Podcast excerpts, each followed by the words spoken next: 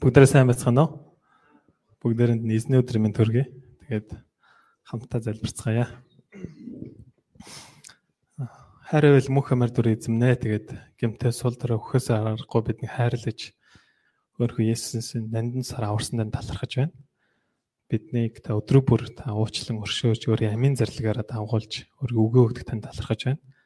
Та биднийг ариун сүнсээр хамт байж өдрөг бүр таны үгийг сурснараа таны үгэн дотор сайн үр жимсийг гаргаж амтрах тусалж өгөөж хоож байна. Одоо энэ цаг тань үгнээс суралцах байна. Та хүний бүрд өөрийнхөө буруутгадаг Есүс эзэж бидний буруутгаагүй тэр үгийг зүртлээ хүлээж авах боломж хангаж өгөөж хоож байна. Бүх зүйлийг танд даатгах байна. Эзэн Есүс Христ надрах хулаа. Амен. Өнөөдрийн номлолын нэр бол буруутгадгүй Есүс. Номлол Иохан 8:1-өөс гол ишлэл 8:11. Тэр эзэн хэн ч хитгсэнгүй юу гэв Есүс. Би чамайг шидэхгүй. Явж өөнөөс хойш дахин нүгэл бүэлдгэлээ. Өнөөдрийн номлолд Есүс хормоо санаатай шашны удирдагч нартай тулгарч байгаа тухай гарч байна. Тэд завхаарч байгаад баригдсан нэг эмэгтэйг авч ирэн Мосегийн хуулиар буруутхан Есүсийг унахыг оролцсон. Гэвч Есүс Бурхны өгдөг мэрэгүү ханаар дамжуулан тухайн өрхийг даван дийлж эмэгтэйг тэдний гараас аварсан. Энэхүү үйл явдлаас бид Есүс гэмтээ биднийг буруутгахын тулд биш. Харин бидний гэм ба буруутгалаас аврахаар исэн гэдэг бид нар сурч болно. Өнөөдөр хүмүүр сул дорой байдлаас болж янз бүрийн гэмийг үлдэн буруутгалыг зүрсгэлтэй гүн гүнзгий мэдэрч тэ амьдрах үе байдаг. Энэ л буруутгалын мэдрэмж нь бидний хүнд ч хэрэгцээгүй аймгүй хүчгүй өхмөл хүмэт амьдруулдаг. Энэ цагт Есүсийн би ч чамайг шийтгэхгүй хэмээн хэлж буй үгийг итгэлээр хүлээн зөвшөөрснөөр Бурханаас ирдэг сэтгэл сүнсний чөлөөлтийг амсч чадахыг хүсэн гооч байна. Нэг завхаарсан эмэгтэй нэгээс 8 дахь ишлэл. 7 дугаар бүлгийн 73 дахь ишлэлийг үзвэл бүгд гэр гэр лугаа явлаа гэж байна. Евдэчүүд майхан баярыг 7 хоногийн турш тэмдэглэсэн. Эдгээр өдрүүдэд евдэчүүд энгийн өдрөөдөөс хэд дахин илүү бурханд онцгой үнэнч цэвэр ариун байдлыг хадгалдаг тийм үе байсан.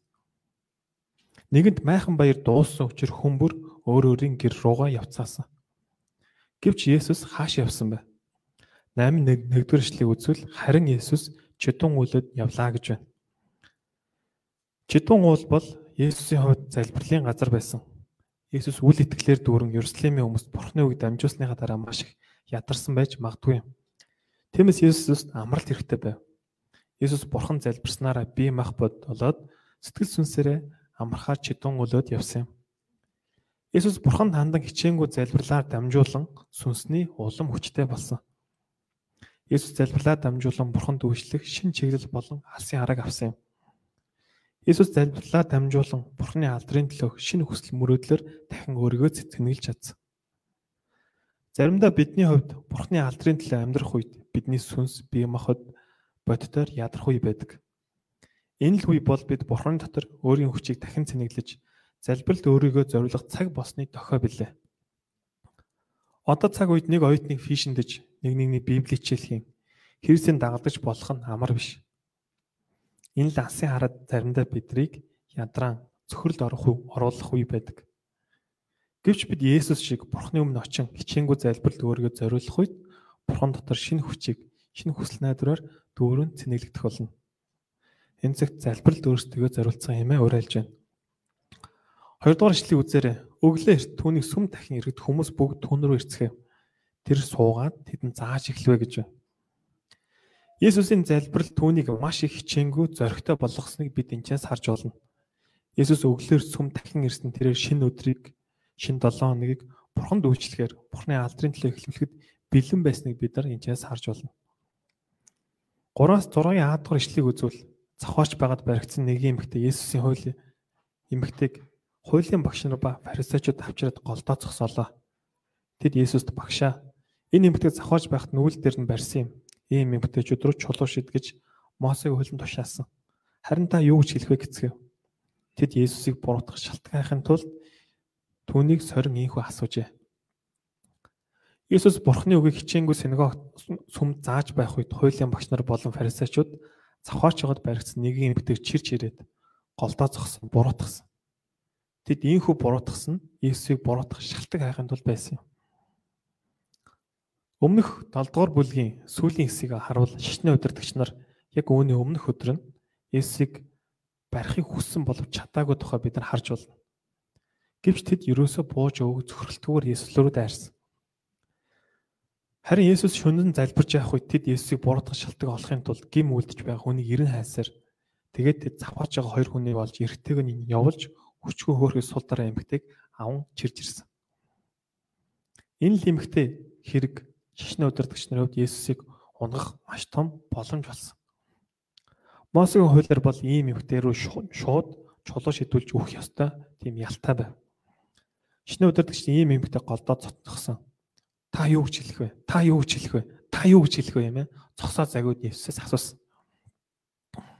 Хэрв Есүс чулуу шидгэж хариулбал тухайн үеийн цаазын ял онох хэрэггүй өвдөчүүдийн хувьд Ромын хуулийг зөрчсөн хэрэгээр буруутгах вэ? Мөн өнгөрсөн хугацаанд хайрыг чухалчлан зааж байсан Есүс номдол хуурамч болох байсан. Харин чулуудж болохгүй гэвэл Мосегийн хуулийг зөрчсөн хэрэгээр Юдэн шний удирдагч нарын буруутгалыг авах байсан. Магадгүй энэ л урхиараа дамжуулан шишний өдөрт Есүсийг унгалаатай хэмээн бодсон. Уг нь шишний өдөртөгчөнд арт түмний сайн ончим байх ёстой хүмүүс байв. Гэтэл тэд энэ л үйлдэлээр өөрсдөө бузар муу гэдгээ маш тод харуулсан. Тэд хуулийг маш сайн мэддэг, хуулиар мэрэгсэн боловч хуулийг мэдлэгээ зөв хандлагаар хэрэгжүүлээгүй. Тэд өөрсдийн гимээ гимшиж, Бурхны хайр дотор өссөн бус дүүлчилдэг сүнсний өдөртөгч нар амьдрах ёстой байсан гэвч тэд бурхнаас имээдэггүй хоншин сэтгэлгүй гэдгээ тодорхой ичлэн харуулсан юм.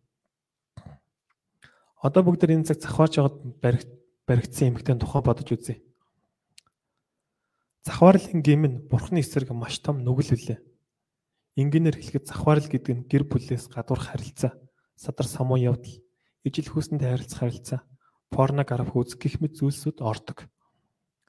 Есүс уулан дээрх сургаалдаа хүний бие хүн бие мах бодоор үлдээгөөч оюун бодолтой эмгтэй өнөг тачаадан харах нь захварлын гим болно хэмээн хэлсэн байдаг. Тэгэхээр хүн ям оюун бодолтой аливаа зүйлийг ургуулan бод төсөөлж зөгнөж бодох нь хүртэл захварлын гим нүгэл гэж Есүс хэлсэн. Бид нар илчилт номыг харах юм бол ийм захварагчдыг бурхан үрд мөхийн галтаа там шиднэ хэмээлсэн баг. Тухайн үеийн нийгэм завхаарлын гим нь маш хатуу шийтгдэг хуйлтай байсан. Завхаарлын гим үйлдэл хоёулангийн чулуудаж алах ялтай байсан. Магадгүй энэ эмэгтэй завхаарлын гим хичнээн хүнд ялтай вэ гэдгийг мэддэг байсан баг. Гэвч тэр яагаад үүнийг үйлцсэн болоо? Бид магадгүй шалтгааныг мэдэхгүй. Гэвч олон хүмүүс гим үйлдэх үедээ гурван зүйлийг боддог гэж. Нэгдүгээрт зөвхөн ганцхан амж. Хоёрдугаарт нь бусд хүмүүс энэ ялгааг үйлдэг юм чинь. 3 дугаарт нь бусдад мэдгэдэхгүйгээр нууч чадна хэмээн боддог. Гэвч эдгээр бодлууд нь бүгд сатаны маш том тактик буюу өөрхвөлээ. Сатан энэ тэр гэсэн шалтгаан шалтгааныг бидэнд бодогдуулан бидний гим рүү шууд уруу татдаг. Ямар ч хүн сатан энэ л бодол шивнэг өөрийн хүч чадлаар дийлж чадахгүй. Ихэнх хүн ганц нэг удаа үйлснээ дараа болно хэмээн боддог. Гэвч сатан энэ завшааныг ашиглан хүмүүсийг насан турш тайрлаж болохооргүй алдаа хийлгэж түүгээрээ гимэн хүлээсэнд үрдмөх оруулж амьдртаа амьдруулдаг. Махан биеийн хүсэл тачаалын боолшолд оруул хүн болохгүй гэдгийг мэдэх нь өөрөө ирэхгүй өөрийгөө захирч чадахгүй гимэн хүсэлд хөтлөгдөн тавтан тавтан гимийг үлддэг. Махан биеийн хүсэл хүсэл тачаалын асуудал нь сатаны хүчтэй маш том зэвсэг үлээ. Бид энэ л сатаны хүчийг өөрийн хүч хичээл шийдвэрээр хязгаарч дийлж чадахгүй бөгөөд гинж мэт биднийг улам хүлдэг гэдэг бид нар үргэлж санаж амьдрах хэрэгтэй. Ялангуяа залуучуудын хувьд хүсэл тачаалын уруу татлах нь дэндүү нилуун сэтгэл булаам учраас хамгийн амархан ундаг гэмээ өрхөлээ. Тиймээс онцгойлон залуучууд бидний хувьд энэ тал дээр онцгойлон сонор сэрэмжтэй байх хэрэгтэй. Сургаалт өгс номонд залуу хүн зам мөрөө хэрхэн цэврээр хадах вүлээ хадгалах вэ гэдэг үг байдаг те. Тэр юу гэж хэлдэг лээ? Санаж байна уу? Яг зөв эзний үгийг дагсаар гэж байгаа те. Тэгэхээр бурхны үгийг бид нар залуучууд ялангуяа бурхыг дагаж амьдрал бид нар зам мөрөө цэрээр хадгалж чадна. Амен. Тэгвэл ийм асууж буй хичээнгүй асууж буй фарисеучуудын Есүс юу гэж хариулсан бэ? 6-гийн Б дүршлиг үзвэл гэтэл Есүс бүхийж хуруугаар газар бичвэ гэж байна. Бид Есүсийг газар юу гэж бичсэн мэдэхгүй. Гэвч King James хэмээх Библийн хувилбарыг харвал гэтэл Есүс бүхийж тэднийг сонсоогүй мэд хуруугаараа газар бичвэ хэмээн хэлсэн байгаа. Эндээс харах юм бол Есүс тэдэнд ямар нэгэн хариулт хэлэхээс илүүгээр тэдний ширүүн буруудал, дайралтыг зогсоож өөртөө юу ярьж байгааг бодоход хүргэсэн тийм үйлдэл Есүс хийсэн байгаа. Есүсийн хачин энэ жигтэй үйлдэл нь тэдний зүрх сэтгэлийг өөрийнх нь үгийг анхааралтай сонсож өөртөө яг юу яриад байгааг бодоход хүрсэн байгаа. Та бүхэн доктор Самалионч гэж мэдэх үү? Хэн бэ? Энэ нэрийг санаж байна те. За мэдж байгаа хүн байна. Гараа өргөрөө те. Бид бид нар энэ нэрийг хэзээ ч мартаж болохгүй нэр байгаа те. Энэ хэн бэ гэвэл манай UBF чуулганы анх үүсгэн байгуулж Сара Брэндтэй хамт UBF чуулганыг байгуулсан үүсгэн байгуулж хончин байгаа те. Одоо л нас орсон. Энэ хончин дээр нэг хончин орж ирсэн гинэ. Яах гэж орж ирсэн бэ гэвэл нэгэн хамтран зүтгэж хончиндээ нилээн ууртай ихэд дургуут сандлагтай ингэ давхиж орж ирсэн гинэ. Тэгэд тэрээр нөгөө хамтран зүтгэж ууртай байгаа хончноо яаралтай тийм үү сахилгын арга хэмжээ авахыг Самуэлийн ончоос хүссэн гинэ тэр онч. Тэгсэн чинь энэ үед Самуэлийн онч нөгөөнд юу ч хариулаагүй. Харин яасан бэ гэсэн чинь доош харсан чинь нөгөө ширээнийхэн доор тийм хевс байсан хевсэн дээр гоо нүхийг олж арсан гинэ. Тэг чимээг өхөн тэр нүхээ ингэ яндалсан гинэ тэр Самуэл янж. Тэг үүнийг зарцуулаад баг 30 гаруй минут болсон гэж байна. Харин энэ үед яасан бэ гэсэн чинь 30 гаруй минутын хугацаанд нөгөө амар уурт орж ирсэн хон чин нилээн тайвшраад нөгөө хамтран зүтгэж хончноо хэрхэн хайрлах зөвлөгөө аваад гарсан гинэ.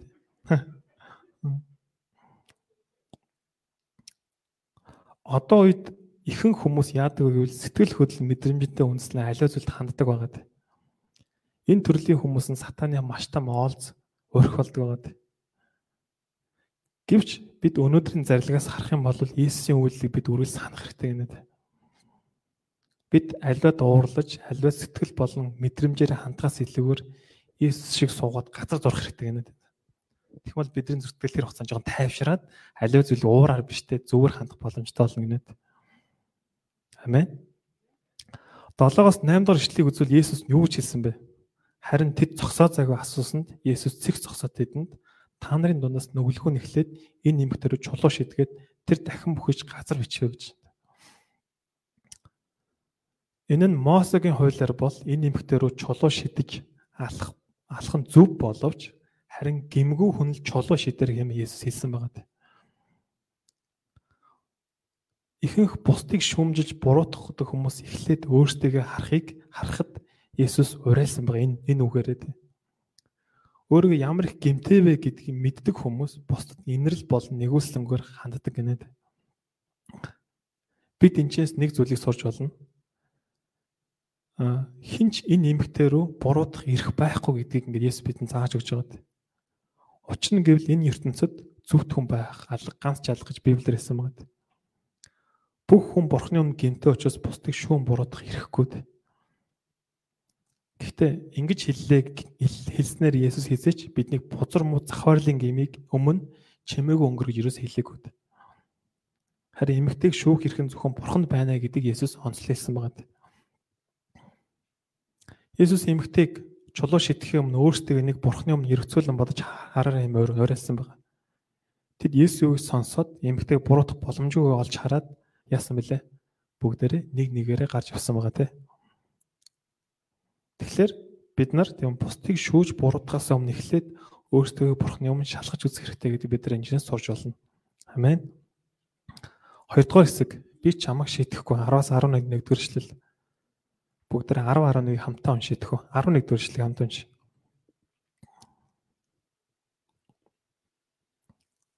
За эхлэе. Тэр Эзэн хэн чамайг шийтэн гэсэнгүй юу гэсэнд Есүс би чамайг шийтгэхгүй. Яг үүнээс хойш дахин нүгэл бүүгэлдэглээ. Есүс цэг зогсож тэр эмэгтэйд эмэгтэй тэд хаана байна? Чамайг хэн шийтгсэнгүй юу гэсэн тэр эзэн хэн шийтгсэнгүй гэв Есүс би чамайг шийтгэхгүй. Яг үүнээс хойш дахин нүгэл бүүгэлдэглээ. Эмэгтэйг буруутган шийтгэх гэж байсан хүмүүс бүгд нэг нэгээрээ гарч явсаар зөвхөн эмэгтэй л ганцаараа үлдсэн. Гэхдээ тэнд ямар ч нүгэлгүй нэгэн байсан гэдэг бид нар энэчээс харж болно. Мөн тэнд эмэгтэй рүү чулуу шидэх хэрэгтэй нэг л хүн байсан. Тэр бол Есүс Христ. Эцэстээ эмэгтэй Есүс юм зөвхөн ганцаараа л зогссон.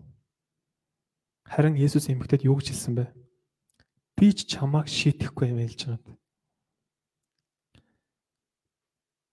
Гим үйлдсэн тэр эмэгтэйг шүүх, буруутгах эрэхт цор ганц бурхны хүү Есүс буруутгаж шийтгэлгүйгээр харин би чамайг шийтгэхгүй хэмээн тунхалсан байгаа энэ энэ үгийд.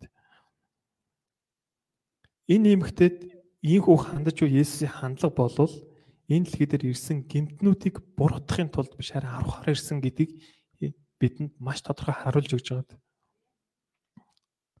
Иохан номын 3:17-д юу гэж хэлсэн бэ гэвэл Учир нь бурхан ертөнцийг яллахын тулд биш харин түүгээр дамжуулан ертөнцийг аврахаар хүүгээ ертөнцид илгээсэн билээ юм хэлсэн байгаа. Тэгэхээр бурхан биднийг шийтгэхс илүү аврахыг хүсдэг гэдгийг бид нар энэчнээс харж болно дээ. Тэгэд энэ л аврал нь зүгээр олдоогүй маш өндөр үн цэнтэйгээр олцсон байгаа. Өөрөөр хэлэх юм бол Есүс гимээс болж бидний үүрэгтэй байсан шийтгэлийг загламаа тэр үүрч өөрийн үн цэсийг асруулснараа бид нар энэ авралыг авах бүрэн боломжтой болсон байна. Тиймээс Есүс зоригтойгоор тийм үү би ч чамайг шийтгэхгүй хэмээн эмхтэй зөвхөн хэлж чадсан да. Тэгэхээр бид Есүс дээр ирэх үед Есүс бидний бүхэл буруутгал, шийтгэл гимээс бүрэн аврах чөлөөлөх чадaltaа гэдгийг бид нар энэчнээс харж болно. Энэ цагт бидний гмийн төлөв шийтгэлийг өөртөө өрсөн Есүсийг магтацгаая. За одоо бүгд энэ цагт бүгдээрээ буруутгалын тухай бодож үзье те. Буруутгал нь хүмүүст маш том нөлөө үзүүлдэг бөгөөд хүнийг өхмөл хүмэд цөхрөлд оруулдаг, огт хэрэгцээгүй нэгэн болгодог.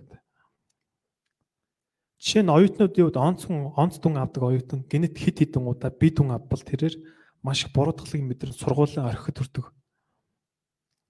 Залуугийн итгэгч нарын хувьд гаргасан шийдвэр нь хит хит удаа бүтлгүүтэл орох үед итгэлийн амьдралаас татгалзах хүртэл буруутгалыг амсдаг байгаад. Хүүхдүүд нь буруу замаар явсан эцэгчүүдийн хувьд хүүхдээ хүмүүжүүлж чадахгүй төлөө өнгөрсөнд гаргасан алдаагаа санаж өөрсдөө буруутгадаг байгаад. Магадгүй ийм эцэг эхчүүдийн хувьд өөрсдөө буруутгасаар бод өөр хүүхдтэй санаа тусалж чадахгүй төртөл хүрдэг гэнэ. Хончтой хувьд яадаг вэ дээ? Хончин болох та тий галзууга барын хамт гараагаас босхгүй нэг хоньны тэжээ нэг шийдвэр гараад хондод үйлчлдэг тий. Гэвч өөртөө сул дор байдлаасаа бол нэг хоньыг шархлуулж тийм алдаа гарах үедээ өөрийгөө буруутгасаар байгаад хондод үйлчлэх сэтгэлгүй болдог тий. Энэ мэд буруутгалын зүйлс нь өөрөө Бурхны хүмүүсүүдийг ямар ч ашиггүй хэрэгцээгүй болгох сатаны маш том багаж зэвсэг гэж энд. Гэвч Есүс биднийг энэ мэт бүхэл бурхтал гэмээс аврахаар ирсэн гэдгийг бид нар энэчнээс сурч болно.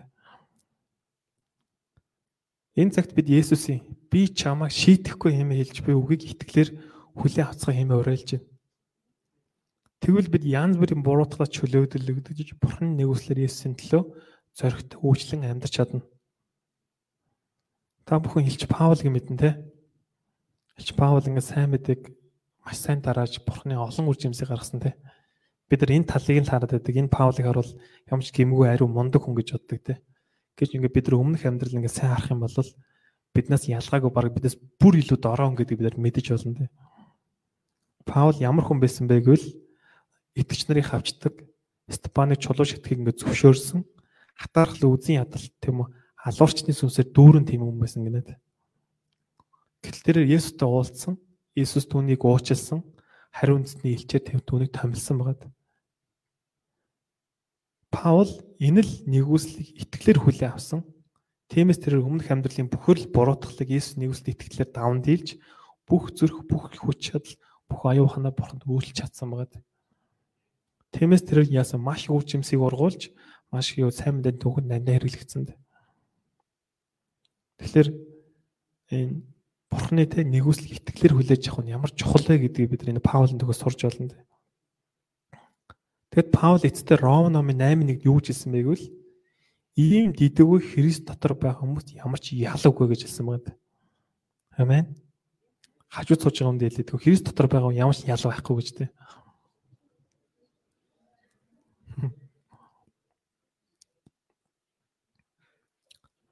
Диавол буюу муу ёрын сүнс өдөр бүр бидний чихэнд буруутгалын үе минут секунд бүр шивнсээр байдаг байна. Хэр бид энэ сатааны буруутгалыг нь тавтах юм бол буруутгалын хүлээс нь гинжлэгдэж гэр бүлдээ үр хүүхдтэй чуулганда хонд дүүлэх чадваргүй болдог. Харин сатан бидний чихэн шивнэх үед даруй Иесус рүү очиод яах хэрэгтэй вэ за? Би ч чамайг шийдэхгүй гэж хэлж байгаа энэ үгийг бид нар сонсох хэрэгтэй гинэд. Магадгүй бид нар өөр өөртөө дахин дахин тавтан тавтан хэлэх хэрэгтэй гэж хэлж байна за. Би ч чамайг шийдэхгүй, би ч чамайг Иесус намайг шийдэхгүй гэдэг. Ингэж хилээд их юм бол яг гэхлээр бидний дотор итгэл бий болно. Иесн тэр нэгүсэл итгэлээр хүлээж авах боломжтой болно гэдэг. Тэгээ бид нар тэр зүйлээс буруутгаас бид нар бүрэн чөлөөлөгдөн ч тийм. Тэгэхээр энэ цагт юм уу? Би чамайг шийдэхгүй хэмээлж бийсэн үгийг итгэлээр хүлээн авч Бурхны дуудлал болон асяар ирш хүчтэй урам зоригтойгоор үйлчлэцгээ хэмээн уриалж байна. Амен. Одоо хар 11 дэх эшлэлийг бүгдээр дахин үзээрэй. Иесус юм бүтэд юу гэж хэлсэн байг вэ? Яа өөнөөс хойш дахин нүгэл бүвэл дээрэ гэж хэлсэн байгаа. Иесус юм бүтэд шинэ амьдралын чигийг өгсөн. Энэ үг нь гмийн уршаал авсан авсан хүн хэрхэн амьдрах ёстойг зааж өгч байгаа. Урд нь гмийн боол болж амьдрдаг байсан бол харин одоо гмийн эсрэг тэмцэлдэн ариун амьдралаа амьдрах хэрэгтэй гэсэн үг байгаа. Одоо тэр өршөөл ба авралын ивэл авсан бол Бурхны үгийг хайрлан ертөнцийн бозар муу зүйлсээс холдон хариу амьдралаар амьдрах ёстой. Энэ бол авралын ивэлийг зөвөөр идэлх нууц гэж юм дээ. Хэрвээ бид нар Бурхны ивэлийг авсныхаа дараа хуучин амьдралгаа буцаж гимиг тавт үйлцээр байвал нохоо бөөлцсөн идэхтэй адил ичгүүртэй амьдрал бид амьдрах болно гинэ. Тиймээс бид ивэл авсны дараа гмийн боол дахин орохгүй тулд гимтэд тэмцэлдэж идэвхтэй гэр өөрсдийн биер эрхтнүүдийг бурханд ингээд өргөж бурхны зэвсэг болгож амьдрах хэрэгтэй гэж юм байна. Тэгэх бол бид нар эргээд яах вэ тийм за. Нөгөө нэг хуучин зүйлийг үлдэхгүй амьдарч чадна. Тэгээ та бүхэн мэдэн те хамгийн сайн довтлогоо бол юу гэдэг үлээ те. Мэдэх үү? Хамгийн сайн довтлогоо хамгаалт мөн үү тийм за. Биш те. Харин хамгийн сайн хамгаалт бол хамгийн сайн хамгаалт бол товтлогоо гэж хэлдэг. Бусдайсны талбарлал бод. Тэгэхээр бүгдээрээ тэ өөрсдөө улам илүү те бурхны сайн мэдээний төлөө би эрхтэн зүрх сэтгэлээ те сайн мэдээний төлөө зэвсэг болон ашиглацгаа юм уриалж байна. Амен. 3 дахь хэсэг ертөнцийн гэрэл бол Есүс 12-оос 20 дугаар эшлэл 12 дугаар эшлэлийг үзээрэй. Тэгэд Есүс тэдэнд дахин ертөнцийн гэрэл бол би байгаа юм. Намайг дагдаг хүн харанхуй дотор явахгүй харин амийн гэрэлтэй болно гэж. Бид нар өмнөх номлоор үтсэн байгаа. Майхан баярын үеэр евдэчүүдийн нэг ёслол бол сүмийн өнцөг боломжид гэрлийг тавин гэрэлтүүдэг тийм заншилтай байсан бай. Есүс яг л энэ евдэчүүдийн заншлыг ашиглан өөрийгөө гими харанхуугаар дүр инлэг гэрэлтүүлдэг авралын гэрэл буюу месиа байна гэдгээ Есүс тунхагласан байгаа. Энэ л Есүсийг дагдаг хүн харанхуй дотор явахгүй бөгөөд харин амийн гэрэлтэй болно юм Есүс амласан дээ. Энд энд хэлж байгаа харанхуй дотор явна гэдэг нь юу гэсэн утгатай үг гэвэл сүнсний мэдлэггүй гмиг үлдээ амьдрахыг хэлж байгаа юм дээ.